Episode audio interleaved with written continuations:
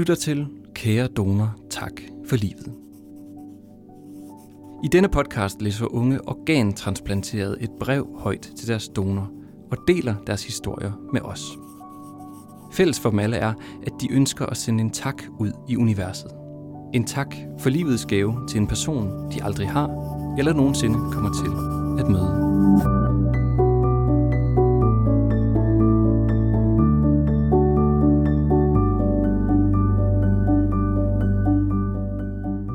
Til, Cecilia, og tak fordi du vil være med.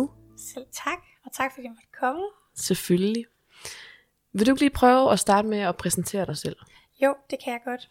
Øhm, jeg hedder Cecilia, og jeg er faktisk lige blevet 25 år. Og så øh, har jeg en meget sjælden genetisk sygdom, som har gjort, at øh, jeg har fået nye lunger og en ny nyre. Så jeg har faktisk fået to transplantationer øh, inden for de sidste seks år. Ja, og øhm, kan du lige prøve at fortælle kort sådan om, di, om dit sygdomsforløb? Jo, det kan jeg godt. Øh, jeg øh, har jo som sagt været syg hele mit liv, og øh, det er det er omkring de 12 år gammel, at øh, jeg for alvor kan begynde at mærke, at øh, min vejrtrækning faktisk bliver værre. Og der finder lægerne så ud af, at jeg har en lungefunktion på 30%.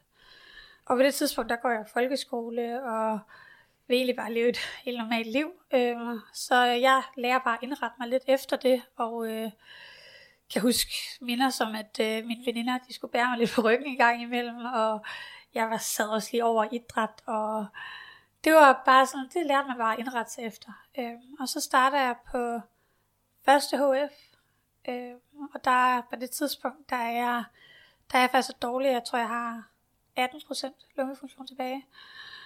Og der siger lægerne så, at øh, de synes simpelthen, at jeg skal på en venteliste nu her, for de regner faktisk ikke med, at jeg kan overleve øh, med de lunger, jeg har i særlig lang tid. Og det er jo mega frustrerende for mig øh, at få at vide, fordi at øh, på det tidspunkt, der har jeg jo, altså, der er jeg jo mega syg, men jeg er jo vant til at være syg, og det har jeg været hele mit liv. Øhm, og startet på gymnasiet, fået min første kæreste, og alle de der ting der, så det, øh, det var bare ikke lige det rigtige tidspunkt for mig. Øhm, jeg kan jo godt se, at jeg jo nærmest ikke kan få vejret. Jeg går også rundt med ilt i min rygsæk på gymnasiet, og øh, så jeg vælger at øh, sige ja til en venteliste, og kommer faktisk også på, øh, på ventelisten der i 2016. Øh, og så øh, i 2017, der, øh, der får jeg et opkald øh, om, at der er et par lunger til mig. Så øh, det er jo faktisk det, der redder mig. Og øh, ja, jeg ligger på hospice en måned inden, og er jo nærmest mere død end levende. Øh, så det er jo virkelig et mirakel, der sker for mig der. Og efterfølgende så øh, har jeg haft det mega godt øh, i mange år. I lidt over, ja, hvad, seks år omkring der. Men så sker der også desværre det, at jeg får, øh, får nyresvigt for to år siden. Og det er så lidt en kombination af den øh, genetiske sygdom, jeg har, og så også øh, det stærke medicin, immundæmpende medicin, man får for, øh, for lungerne. Øh, så det gør så, at øh, jeg faktisk kommer i øh, akut dialyse, og starter et øh, helt nyt liv øh, med dialyse fire gange om ugen, og der er jo en masse begrænsninger på en lidt anden måde, end der er som øh, lungesyge. Det er jo mere sådan noget med, at du må ikke drikke særlig meget væske, fordi at, øh, det ophober sig i kroppen, og der er også en masse madvarer, du ikke må spise, og så er du bare kronisk træt konstant.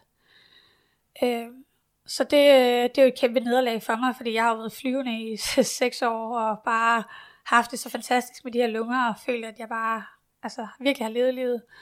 Øh, så jeg bliver sat lidt tilbage i det der venteliste der. Øh, og øh, jeg går så i dialyse i ja, omkring de der halvandet to år. Øh, og så øh, er jeg faktisk her for nylig lige også fået nyere. Øh, og det øh, er gået sindssygt godt. Øh, og det er sket igennem sådan et øh, nyere bytteprogram, som de har på Rigshospitalet, hvor at, øh, jeg har haft en rask donor med, som ikke har passet til mig. Det har været min mor. Øh, hun har gerne vil give mig en nyere hele tiden, men vi har ikke passet sammen blodtypemæssigt. Men hun, øh, vi fik så tilbuddet om, at hun kunne give sin nyre til en anden, øh, som også var i dialyse og nyresvigt. Og den person så havde en donor, som kunne passe til mig. Så man laver lige sådan et, et byt. Og det, der, det fandt de simpelthen. Øh, og det regnede jeg faktisk ikke med, at de ville finde til mig. Også fordi jeg har en masse antistoffer. Og jeg havde, egentlig, jeg havde faktisk givet lidt op på det, og tænkt, at mit liv faktisk bare skulle være i dialyse resten af tiden. Øh, men øh, det er faktisk for nylig sket, at øh, jeg har fået en øh, nyre, der bare virker helt perfekt. Og øh, nu har jeg fået livet lidt tilbage igen. så nu, øh, nu flyver jeg rundt og har det mega godt, og er bare lykkelig for, at jeg har fået chancen. Altså hele to gange. Ja, det var sådan, jeg prøvede at gøre det så kort som muligt, men det er jo et langt forløb. Ja, og det kommer du også lidt ind på i brevet, fordi øh, selvom du jo egentlig kunne skrive øh, to breve, så har vi, øh, eller har du valgt at fokusere på, på det første, øh, nemlig din lungedonor, og, og skrive et brev til, til den donor. Øhm, så vil du ikke prøve at starte med at læse det første stykke op? Jo, det vil jeg rigtig gerne. Kære dig, dig som jeg kalder min skytsengel, dig som nu har vinger og svæver rundt et smukt sted i et andet liv, men dig som nu er en fast del af mig, og som har levet videre i mig i seks år.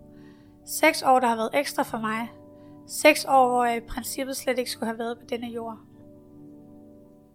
Og nu har jeg jo læst øh, et par stykker af de her breve, og det, og det der fald, det der, eller det jeg lægger, lægger mærke til, det er, at mange af jer skriver, beskriver jeres donor på den der måde, som at det er en del af jer, eller I kender dem, føler I kender dem rigtig godt, uden sådan rigtig at kende dem.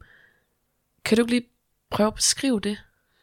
Jo, altså jeg kan huske, øh, da jeg fik lunger der i 2017, at øh, det første måneder efter, at det var virkelig mærkeligt, og sådan, kunne man, man følte nærmest, at man havde en andens persons lunger i sig. Det, jeg følte ikke på det tidspunkt, det var min egne, fordi at det var også det der med, at jeg har gået hele mit liv, og jeg har, ikke, jeg har slet ikke kunne trække vejret, vel? jeg har slet ikke kunne mærke den der følelse.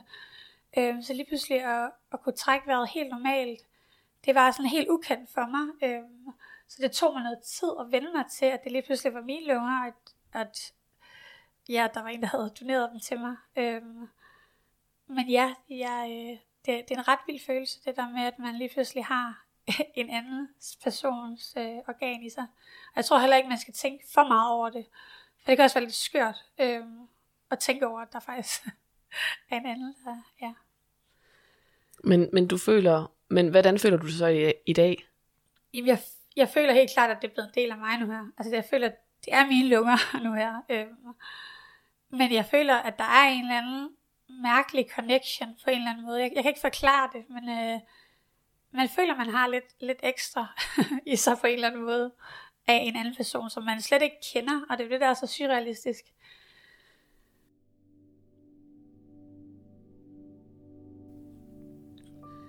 Jeg har så meget at takke dig for. Så mange ting, jeg gerne vil fortælle dig om.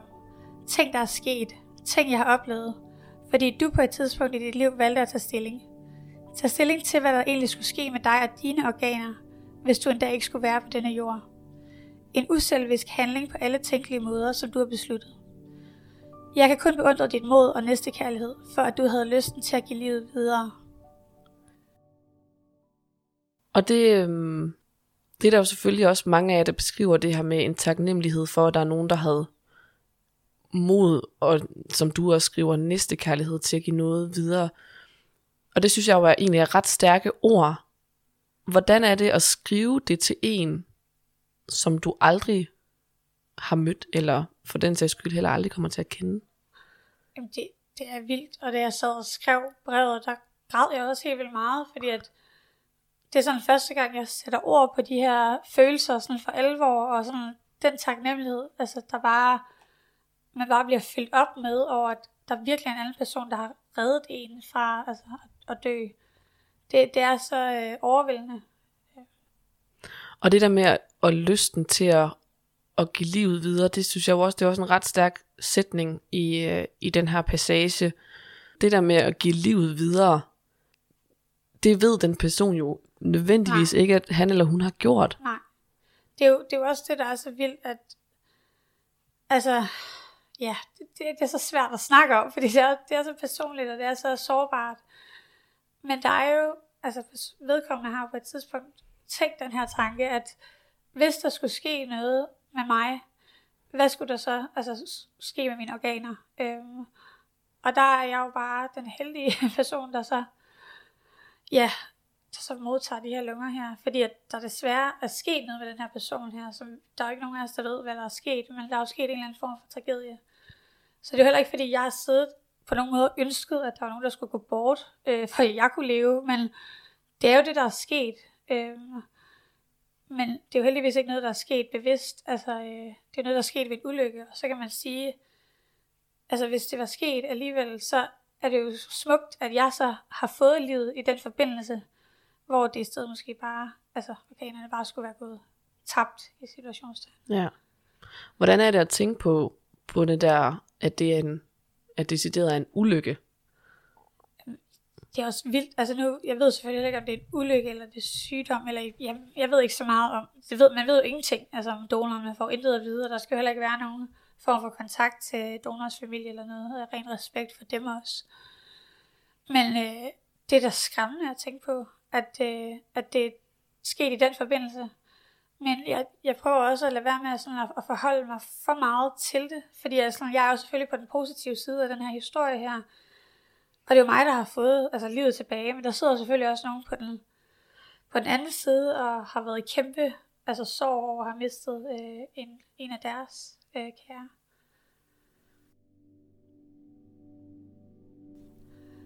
Til at starte med vil jeg gerne fortælle dig, hvor langt ude jeg var, inden du reddede mit liv. For at fortælle dig, at det, at det ikke på nogen måde har været forgæves, at du så stilling. Min sidste tid inden opkaldet lå jeg faktisk på hospice i København. Det her var tiden, imens alle mine veninder gik på deres sidste år i gymnasiet. Det var forår. Der blev bestilt studenterhuer, imens jeg bestilte nye iltflasker. De kyssede på deres første kærester, imens at min kæreste skulle hjælpe mig med at planlægge min begravelse. De dansede natten lang, imens at jeg var spændt fast til en seng, afkræftet og en skygge af den Cecilia, som altid var glad og grinte. Beskeden var klar for både læger og sygeplejersker. Der ville ikke gå lang tid før, at jeg ville dø. Og det her, det er jo nogle ret stærke modsætninger, det her med, at du siger, øh, øh, der var nogen, der kyssede på deres kærester, imens din kæreste skulle hjælpe dig med at planlægge din begravelse, og du bestilte ildflasker, mens de andre bestilte studenterhuer. Hvorfor synes du, det var vigtigt at få det her med i brevet? Fordi at på det tidspunkt, der er jeg jo 18 år gammel.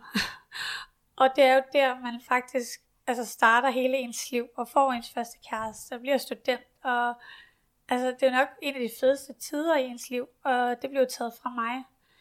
Øhm, og jeg lå jo og var spændt fast til min seng inde på hospice, og kunne ikke trække vejret, og jeg kunne se alle mine veninder omkring mig, og alle folk omkring mig, som jeg kendte, de levede jo bare videre, og de havde det jo, altså de havde det jo mega fedt, altså fordi at de kunne gymnasiet og så videre. Øhm, og det er bare sådan, det var bare så stor en kontrast det, og det var jo det, der fyldte dengang, for det var det, der fylder hos en, når man er 18 år gammel. At man godt vil ud og feste og være ung, og bare ikke have alle de der sindssyge bekymringer, bekymringer som jeg havde. Øhm, som var ildflasker og søndemad og øh, at jeg ikke kunne trække vejret, og alle de der helt skøre ting, som jeg slet ikke skal forholde sig til, altså forhåbentlig nogensinde. Øh, så jeg synes, det var vigtigt at få med, fordi at, øh, det er meget sådan det, jeg husker fra den tid, at øh, jeg bare, mit største ønske, det var bare at leve det der helt, helt normale ungdomsliv, hvor jeg kunne få lov at færdiggøre min uddannelse, og øh, ja, bare sådan være Cecilia, uden alle de der andre sindssyge ting. Og så er der den her øh, sidste sætning, som jo egentlig også er meget, vi skal, skal man sige, hård, at du ligesom får den her besked fra lægerne og sygeplejerskerne, at der ikke vil gå lang tid før du vil dø. Det tænker jeg meget som sådan, når man, i hvert fald i starten, da jeg tænkte på de her breve, øh, inden, jeg, inden jeg fik dem sendt af jer, øh, at jeg tænkte, at det ville måske være en lang positiv øh, smøre af alt muligt, men der er faktisk rigtig mange af jer, der også har skrevet nogle, nogle ret hårde ting, øh, og i øh, nogle ret hårde ord hvorfor synes du, det har været vigtigt, at, at donoren ligesom skal vide, at du fik den her hårde besked? Jamen, jeg synes, at det er så vigtigt at understrege, at jeg var, altså, jeg var jo så langt ude. Jeg var jo mere død end levende. Og det der med, at jeg synes bare, det er så vigtigt at fortælle, at det har ikke været forgæves på nogen som helst måde. at den her person har valgt at tage stilling. Altså, det har jo virkelig reddet mig. Altså, jeg havde jo, jeg havde jo slet ikke været her i dag, altså, hvis ikke øh, jeg fik de lunger der. Så det, det synes jeg, det er noget af det allervigtigste at fortælle til min donor.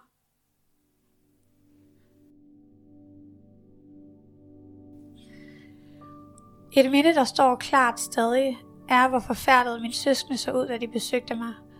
Mine forældre prøvede at smile og være så glade og positive som overhovedet muligt. Det var noget, de havde aftalt, for ikke at vise mig, hvor skræmte og fyldte med sorg de var. Så jeg kunne blive ved med at kæmpe og bevare det spinkle håb, der var tilbage. Jeg var bange, men afklaret. Bange for aldrig at skulle se de mennesker, jeg elskede allermest igen. Afklaret, fordi den tilstand, jeg på det tidspunkt var i, var mere død end levende, og ikke et værdigt liv på nogen som helst måde. Og det er jo igen nogle ret barske ord, som kan, som hvis man mås- måske ikke lige sådan hører dig sige dem, eller, mm. eller ved, hvad det har været gået forud, måske kan virke som lidt i gåsøjne, øh, eller situationstegn, negativ i, i et brev som det her. Ja, ja. ja, ja, men det, jeg tror lidt, jeg vil vende tilbage til det der igen med, at det var ikke et værdigt liv for mig. Altså, øh, jeg lå jo bare, altså, jeg følger nærmest begravet levende i min seng. Altså, øh, men jeg kunne ikke få været i lå med respirator hele tiden, og jeg kunne ikke spise, jeg kunne ikke drikke, jeg kunne ikke gå, jeg kunne ikke snakke til mine forældre. Jeg skulle skrive i en, i en bog, fordi jeg ikke havde luft til at kunne snakke. Øh, så det var bare, øh, det er også det, jeg skriver, at, at jeg var egentlig afklaret, hvis, øh, hvis jeg var altså død der, fordi jeg havde simpelthen ikke lyst til at være i den situation længere. Det var, ikke, det var virkelig ikke værdigt på nogen måde. Øh, så bare det der med at fortælle, at, øh, at mit liv bare ser så anderledes ud nu her. og øh, det er den største kontrast i verden, at øh, jeg, jeg har fået de her lunger, som har gjort, at jeg pludselig kan trække vejret og gøre en masse ting, altså gøre helt normale ting. Øh, så det, det synes jeg bare, det er så vigtigt at fortælle. Jeg havde så mange drømme, og jeg var så forelsket i livet. Men det eneste, jeg kunne gøre, var at lukke mine øjne og for, forestille mig, hvor jeg skulle rejse hen i verden. Hvordan min daværende kæreste og jeg skulle bo, når jeg skulle flytte hjemmefra for første gang. Og hvordan jeg ville danse og synge med mine veninder til fester, og hvordan jeg ville se ud, når jeg fik huden på. Og der, der stusser jeg jo øh, over det her med, at du skriver, at, at du var forelsket i livet, når du lige i et foregående afsnit har fortalt om, at du faktisk slet ikke synes, at det var et værdigt liv. Mm. Hvordan de to kontraster står jo meget, altså, hvad skal man sige, væk fra hinanden. Ja, det var ikke et værdigt liv på nogen måde. Men det eneste, jeg kunne sidde og lave i al den tid, jeg lå og var indlagt, jeg var indlagt sammenlagt et halvt år, hvor jeg ikke var hjemme med mit eget, altså hjemme. Øhm. Og det eneste, jeg kunne lave, det var faktisk bare at sidde og drømme om alle de ting, jeg gerne ville. Fordi at jeg kunne, ikke, jeg kunne jo ikke noget andet. Jeg kunne ikke rejse mig og gøre det. Jeg kunne, kunne jo absolut ingenting, men der var jo ikke noget galt med min hjerne. Så jeg kunne sidde og tænke alle de ting, og skrive alle de ting ned, som jeg egentlig godt kunne tænke mig at lave. Og havde jo den største øh, altså, drive for at altså, komme i gang med livet. Øhm, så det var jo det, der var så mega frustrerende, at, at jeg skulle vente på det her, og jeg ikke, altså, jeg nok ikke altså, vidste, om det overhovedet ville komme til mig.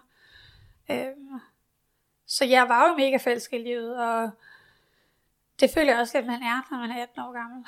Det er sådan lidt øh, starten på, på ens liv, sådan for alvor. Øhm, så det var ikke, det var ikke fordi, at, øh, at jeg var deprimeret. Jeg selvfølgelig var mega deprimeret over verdens situation, men jeg havde sindssygt mange drømme stadigvæk. Og det er også vigtigt at sige, at øh, jeg faktisk altid har haft håbet øh, i mit sygdomsforløb, selvom at jeg fik at vide mange gange, at øh, jeg ville dø og så videre. Og det havde min familie omkring mig også, og det tror jeg også har været med til at gøre, at, øh, at jeg faktisk er her i dag. Øh, for ligesom ikke at give op dengang. Følte du, at du, det er lidt svært at sige, men nogen, der beskriver det der med og håbe på, at der sker noget dårligt for andre. Det håber man jo aldrig på, men alligevel, når man sidder i så desperat en situation, og ligger på et hospice, og altså det eneste, der kan redde en, og det er, så, det er jo så syret at sige, men det er jo, at en anden simpelthen går bort. Så selvfølgelig er det ikke noget, man sidder og håber og beder for, men altså, det er jo klart, at man havde jo tanker om, altså sådan, hvornår er det, altså hvornår kommer opkaldet. Øh, så jo, så, altså det, det kan jeg da godt være ærlig at sige, man havde, man havde da helt klart et håb for, at, at det ville komme hurtigt, det opkald. Selvfølgelig er man da mega øh, selvisk, det ved jeg ikke, man kan kalde det for, når, når det er ens eget liv, det gælder. Men jeg tænker ikke, der er nogen, der har lyst til at, at dø som 18-årig. Øh. Hvordan er det så efterfølgende at tænke tilbage på og haft de tanker, når du så nu skriver et brev, hvor du er taknemmelig for, altså for den person? Ja, jamen altså, jeg, jeg er bare mega, mega taknemmelig, og øh, ja, jeg ved ikke helt, hvad jeg skal svare på det spørgsmål. Jeg, jeg tror bare, igen, man håber selvfølgelig ikke, at der sker noget for, altså for nogen som helst personer. Det, det ligger jo bare i institut, det håber man selvfølgelig ikke på. Men samtidig så var det jo det, der reddede mig. Øhm, og igen, så kan jeg også vende tilbage til, at det var ikke fordi, at der er nogen, der er bevidst af, af død. Det er jo simpelthen noget, der er sket i et uheld, eller en eller anden form for ting. Så det var ikke noget, jeg ligesom har besluttet, hvis man kan, hvis man kan stille op på den måde. Og så er jeg jo bare virkelig heldig, at jeg får lov ligesom at, at, ja, at få livet tilbage på den måde.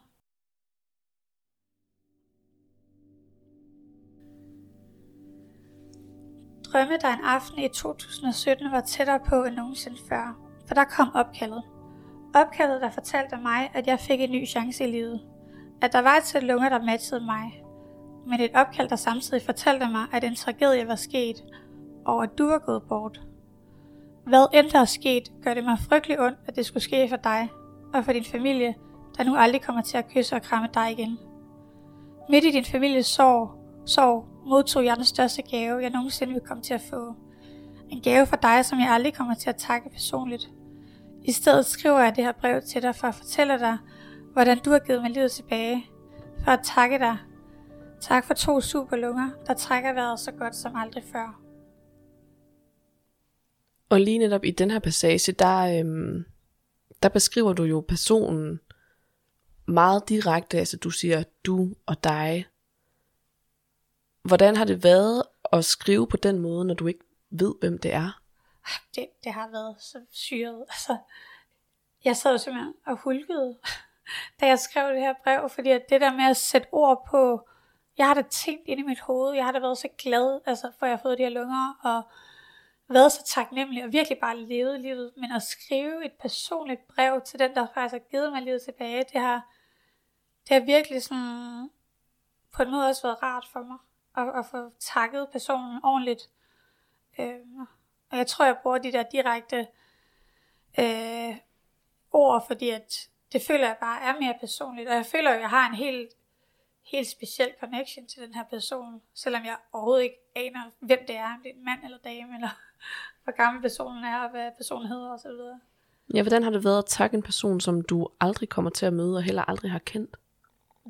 Det, det, er, det er mærkeligt, og så alligevel er det ikke mærkeligt, fordi at vi har jo den her, altså der er jo den her øh, vilde connection, at jeg simpelthen har en del af, af personen i mig. Jeg har jo personens lunger. Øh, så det, det føles egentlig også naturligt nok.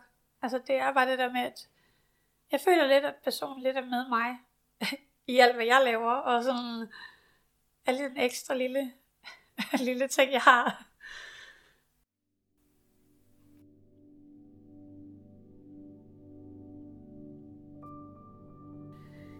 Tak for alle danserne, alle sangene, alle kysserne, alle smilene, alle tårne. Tak for, at jeg får lov til at opleve livet. Et liv, som jeg hver dag er taknemmelig for. Taknemmelig for, at jeg kan se mine tre søskende vokse op. Få grineflip med Oliver, Anna og Olivia. Være på festival, siddende for skuldrene af min bror, fuld og lykkelig, mens vi skoler med på sangene. Få drunk calls midt om natten af min søstre, der er begyndt at gå til deres første fester og fortæller mig, at de elsker mig. Tak nemlig for, at jeg har rejst 24 gange for 6 år. Siddet på en fortorvscafé i Paris og drukket rødvin. bestiget et bjerg på færgerne, Danset salsa og spist usunde mængder af tapas i Malaga. Badet i det græske hav. Tak nemlig for, at jeg kan kramme mine forældre og veninder. Tak nemlig for, at jeg har holdt seks lukkefødselsdage, hvor vi alle har fejret livet. Og det er jo nogle ret skønne øh, nogle ret skønne minder på dig. Jeg kan se, at du sidder og smiler, når Ja. du læser dem op. Og, og så er det jo også nogle lidt sjove episoder øh, at få med. Hvorfor er det lige netop dem her, der skulle med i brevet? Jamen, jeg tror, at sådan for at vise den der kontrast fra den gang, hvor jeg lå på hospice og var bundet, bundet fast til en seng, øh, og så er kontrasten jo rimelig stor, at jeg lige pludselig er på festival og hygger mig med min bror og øh, tager ud og rejser og bestiger et bjerg og bader i havet og altså de er faktisk, det er jo faktisk nogle helt normale, basale ting, som de fleste mennesker kan, men for mig jo ikke har kunne, kunne gøre, da jeg var syg. Øh, så det er jo virkelig der, hvor jeg bare har følt, at jeg har levet livet. Øh, så det følte jeg bare var så vigtigt at få med, også for at fortælle min donor, hvor, hvor meget jeg har fået ud af livet på de her seks år. Øh, jeg har virkelig lovet mig selv, at jeg ikke på nogen måde skulle, øh, at der var noget, der skulle gå, gå til spilde, eller hvad man kan sige. Øhm, og jeg har virkelig sådan en livsindstilling til, at man virkelig skal leve hver dag og gøre lige præcis det, man har lyst til hver dag. Fordi man ved virkelig aldrig, hvornår at, øh, der kan ske noget. Øh, så det har jeg levet efter i seks år, og det har virkelig givet mig sindssygt mange fantastiske oplevelser. Der er jo nogle stykker øh, i de andre breve, som ligesom snakker om det her med, at de føler, at de skal leve mere end før. Gør Ja. du det? Ja. Det er sådan en uh, konstant FOMO, jeg har haft i seks år. Øhm, jeg kan godt blive sur på mig selv, hvis jeg sådan bare skal være hjemme en dag og slappe af. og sådan hele tiden føle, ej, jeg bliver nødt til at opleve et eller andet i dag. Fordi er sådan, det er bare sådan lidt, man føler bare sådan, man skal bare have alt ud af det nu her. Man skal bare sådan virkelig bare leve. Også i ren respekt over for, for donor. Øhm, så det har jeg da helt klart følt i lang tid. Øh, nu er jeg begyndt at øh, tage det lidt mere ro. Øh, men nogle gange har jeg godt, sådan, har mine forældre sagt til mig, nu skal du lige slappe lidt af, og lige tage et par dage hjemme. øh, ja. Kan du, skam, kan, du, altså, kan du nogle gange føle skam over, at, at, at du måske slapper af en dag, eller ikke føler, at du gør det til fulde? ja. Og jeg har også hele tiden en følelse af, at jeg, sådan, at jeg skal udrette en masse. Altså sådan, man har sådan en eller anden helt vild altså sådan en forestilling om, at man skal gøre en forskel for en masse mennesker, eller sådan, virkelig sådan sætte sit aftryk, øh, fordi man ligesom har fået den her chance igen. Så man føler, der ligger en eller anden forventning, øh, men det gør der jo ikke, altså så længe at jeg har det godt, øh, det tænker jeg er det vigtigste, øh, men selvfølgelig er man da, vil man da bare gerne, altså, Ja. Ja. Hvordan er det at leve med den sådan, forventningen lidt, lidt hængende over hovedet? Altså jeg vil sige, det har været lidt hårdt til tider. Øh, også fordi, at man er jo sådan... Altså det, jeg havde allermest lyst til, da jeg fik lunger, det var at ikke læse eller starte en uddannelse eller noget. Jeg havde bare lyst til at bare være mig og tage ud og rejse. Øh, og virkelig ikke tænke på noget som helst. Andet end lige præcis, hvad jeg havde lyst til. Hvor der måske også har været nogle forventninger fra folk om, at øh, jeg skulle starte på en uddannelse, og jeg skulle i gang med noget. Øh, men der har jeg egentlig valgt øh, bare at sige, at øh, jeg tager det sådan lidt dag for dag, hvad jeg har lyst til. Øh, og det, det ved jeg, sådan folk omkring mig også forstår. Øh, og det kan da godt være på et tidspunkt, jeg starter på, på en uddannelse, eller gør et eller andet. Men lige nu her, der har jeg allermest lyst til bare at leve og rejse.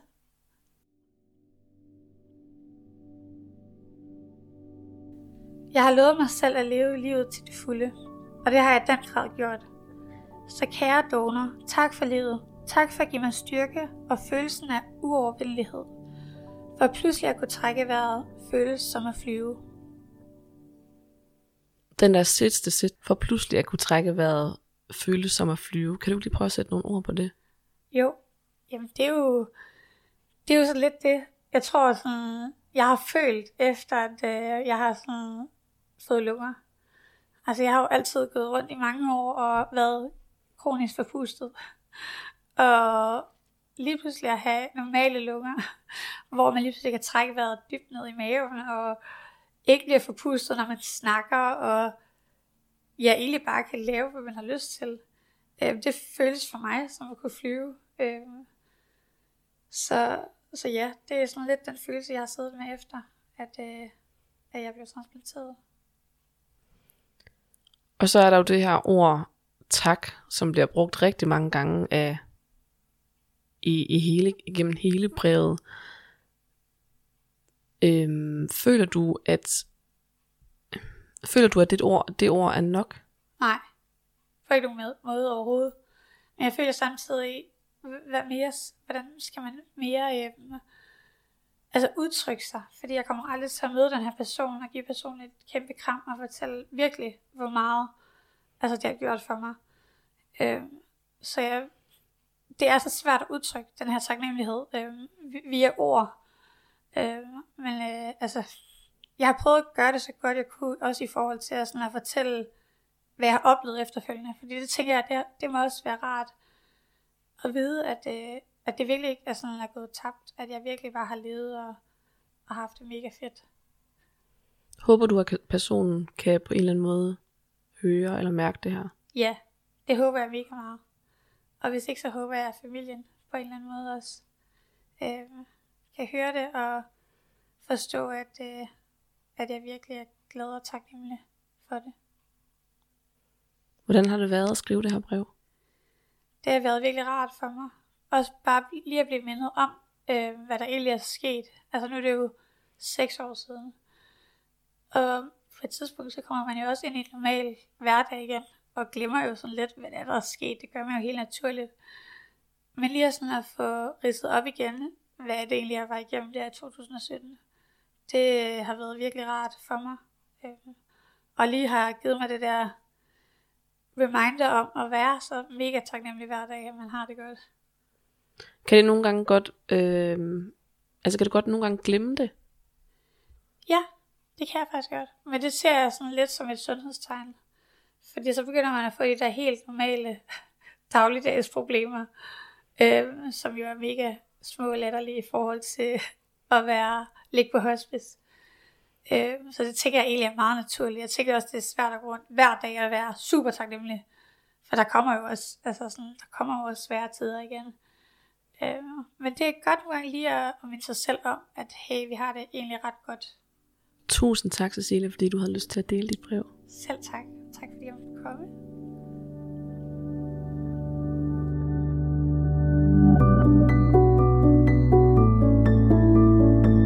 Du har lyttet til Kære Donor, tak for livet. En Vildslevgruppen podcast. Producer, vært og tilrettelægger Mette Ås Jacobsen. Lyddesign Anders Bjerg Christensen. Speak André Kallehave Granslev.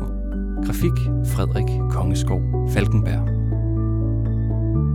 Du kan følge Vildslevgruppen på Instagram og støtte unge, som lever med organsvigt via MobilePay nummeret 723900.